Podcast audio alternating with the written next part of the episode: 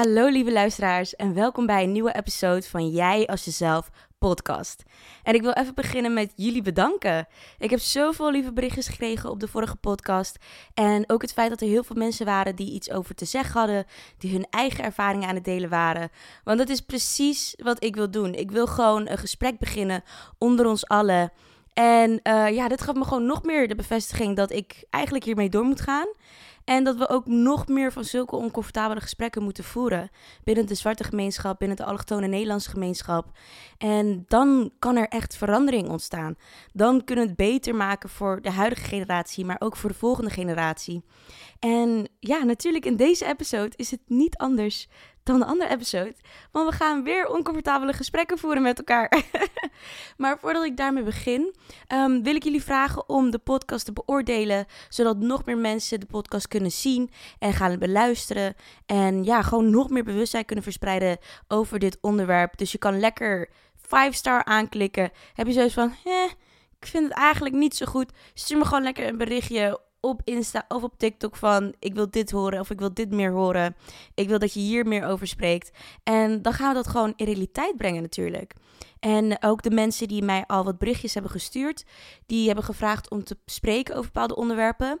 Jullie momenten die komen nog. Ik heb ze gezien. Don't you worry. En uh, voor deze podcast wil ik het met jullie over hebben over ja, het verschil tussen eigenlijk onze oudersgeneratie. Volgens mij is dat de boomers generation. En de millennials Gen Z generation. En ik ben een millennial. Ik ben namelijk van mening dat de generatie van mijn ouders emotionele intelligentie mist wat betreft opvoeding. Zijn jullie het hiermee eens? Want, en please let me know why je het hier wel mee eens bent of niet mee eens is. Want het is zeg maar niet een slecht iets per se. Maar ook weer wel in de manier waarop wij als kids en dan de generatie millennials en Gen Z opgevoed zijn of opgevoed worden. Het gebeurt namelijk met de harde hand, letterlijk en figuurlijk. Eigenlijk een soort van bangmakerij. En dat meer in de hoop van dat je kindje gaat gedragen zoals jij wil dat ze zich gedragen. Maar wat er dan gebeurt is dat je gewoon letterlijk bang wordt voor je eigen ouders. En ik weet nog dat ik dat als kind echt wel gewoon had. Dat ik bang was voor mijn eigen ouders. En dacht van, nou oké, laat ik het maar gewoon doen. Want anders worden ze boos. En als je opgroeit in een zwarte huishouden, dan ken je dat moment. Dan ken je dat moment dat je, dat je pa of ma een slipper pakt en gewoon een soort van ready is om je te pakken. En je gewoon al dingen aan je, in je hoofd aan het bedenken bent van... Oké, waar moet ik naartoe? Wat, wat ga ik doen? Weet je dat? En nu lachen we er altijd om. En er gaan ook altijd online gaan er allemaal memes erover. Gaan helemaal viral. Maar we waren gewoon bang voor onze ouders. Dat is niet gezond. En in het begin dan werkt deze methode ook wel echt. Want als kind, ja, je wilt niet geslagen worden, je wilt, niet, je wilt geen pijn hebben. Dus je luistert naar je ouders. Maar uiteindelijk, dan word je ouder.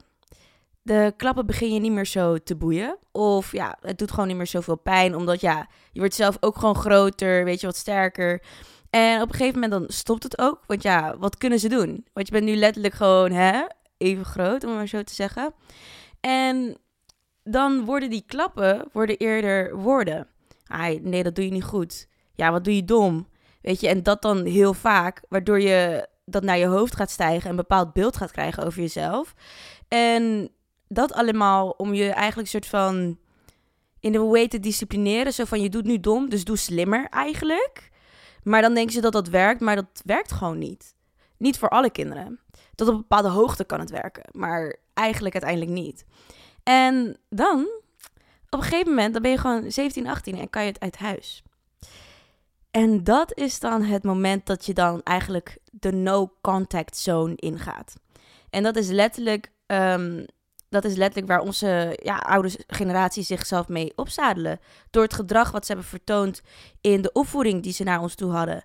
Want dan ga je in die no-contact zone zitten. En dat is niet bellen, niet appen, niet langs huis gaan. En dan vragen ze zich af waarom hun kind eigenlijk nooit langs huis komt. En waarom zien, ze andere ouders wel elk weekend met hun kind um, leuke dingen doen of gewoon überhaupt langskomen, maar de mijne kan mij niet eens terugbellen. En to be fair, ik heb in deze situatie gezeten, echt toen ik net uit huis ging. En als kind ben je gewoon moe. Je bent gewoon moe. Je bent gewoon moe van het gedrag van je ouders. En op het moment dat je de kans hebt om weg te gaan, dan pak je dat met beide handen aan. En ja, dat is eigenlijk wel iets. Ik wil niet zeggen dat het normaal is, maar je hebt gewoon geen zin in die interactie. Waarbij je gewoon weet van, oké, nou als ik dan terugkom, dan ga je waarschijnlijk dingen aan me vragen om voor je te doen. En als ik het niet goed doe, dan, dan ga ik allemaal dingen te horen krijgen. Want het is niet zo alsof als ik in het weekend terugkom, dat wij gaan lopen knuffelen op de bank. Dat is niet het geval. Het is niet dat je gaat zeggen, oh nou, wat heb je gedaan op school? Oh, wat goed, nou, dit, dat, whatever. En dat je dan gewoon heel leuk gesprek hebt met je moeder. Of even vertelt van, oh nou, dit vond ik wel lastig op school. Of dit gebeurde er. Terwijl je hoort dan wel, je bent aan het studeren en je hoort het wel van je klasgenoten. Dat ze dan elk weekend teruggaan naar hun ouders. Dat ze dan even gewoon rust hebben en even kunnen aarden en dingen aan hun ouders vertellen. En daardoor gewoon een soort van fresh of zo weer schoolweek beginnen. En ja, je zou eigenlijk denken dat hierdoor ze zich misschien beseffen dat de manier waarop ze ons hebben opgevoed ons juist verder van onze ouders brengt plaats van dichterbij. Maar dat is gewoon niet bij iedereen het geval. En ik denk dat bij het overgrote deel ehm, toch wel een probleem is dat ouders dat niet doorhebben. En dat is omdat mijn oudersgeneratie gewoon niet weten hoe ze hun excuses moeten aanbieden. Of toegeven dat ze een fout hebben gemaakt. Of toegeven van, oh nou, ik heb het toen zo gedaan, ik wil het nu even anders doen. En ik weet niet of dat te maken heeft met dat ze denken dat kinderen dat niet hoeven te krijgen. En dat tussen kind en ouder niet dat soort wederzijds respect hoeft te zijn. En dus daardoor ook geen gesprekken hoeft te hebben over hun emotionele connectie samen. Want ja, je bent gewoon de ouder, je zorgt voor je kind. Punt uit, klaar. Ja, ik vraag het me af. Hebben jullie ooit een excuses ontvangen van je ouders? Of dat ze daadwerkelijk hebben gezegd van... Oh, weet je, ik heb het toen zo gedaan, maar ik wil het nu wel anders voor je doen. Graag, omdat ik om je geef, omdat ik van je hou. En waardoor een, uiteindelijk een openhartig gesprek is gaan ontstaan. En jullie een emotionele connectie hebben kunnen opbouwen als ouder en kind. Ik vraag me dat af. Weet je, let me know. Want totdat onze oudersgeneratie, totdat mijn oudersgeneratie zich, zich daadwerkelijk beseft dat ze een emotionele connectie moeten maken met hun kind. Eigenlijk hetgene wat zij ook wouden met hun ouders. Dan gaat die emotionele connectie er nooit zijn. En dan ga je basically je kind opvoeden tot je achttiende. Totdat ze 18 zijn en uit huis kunnen.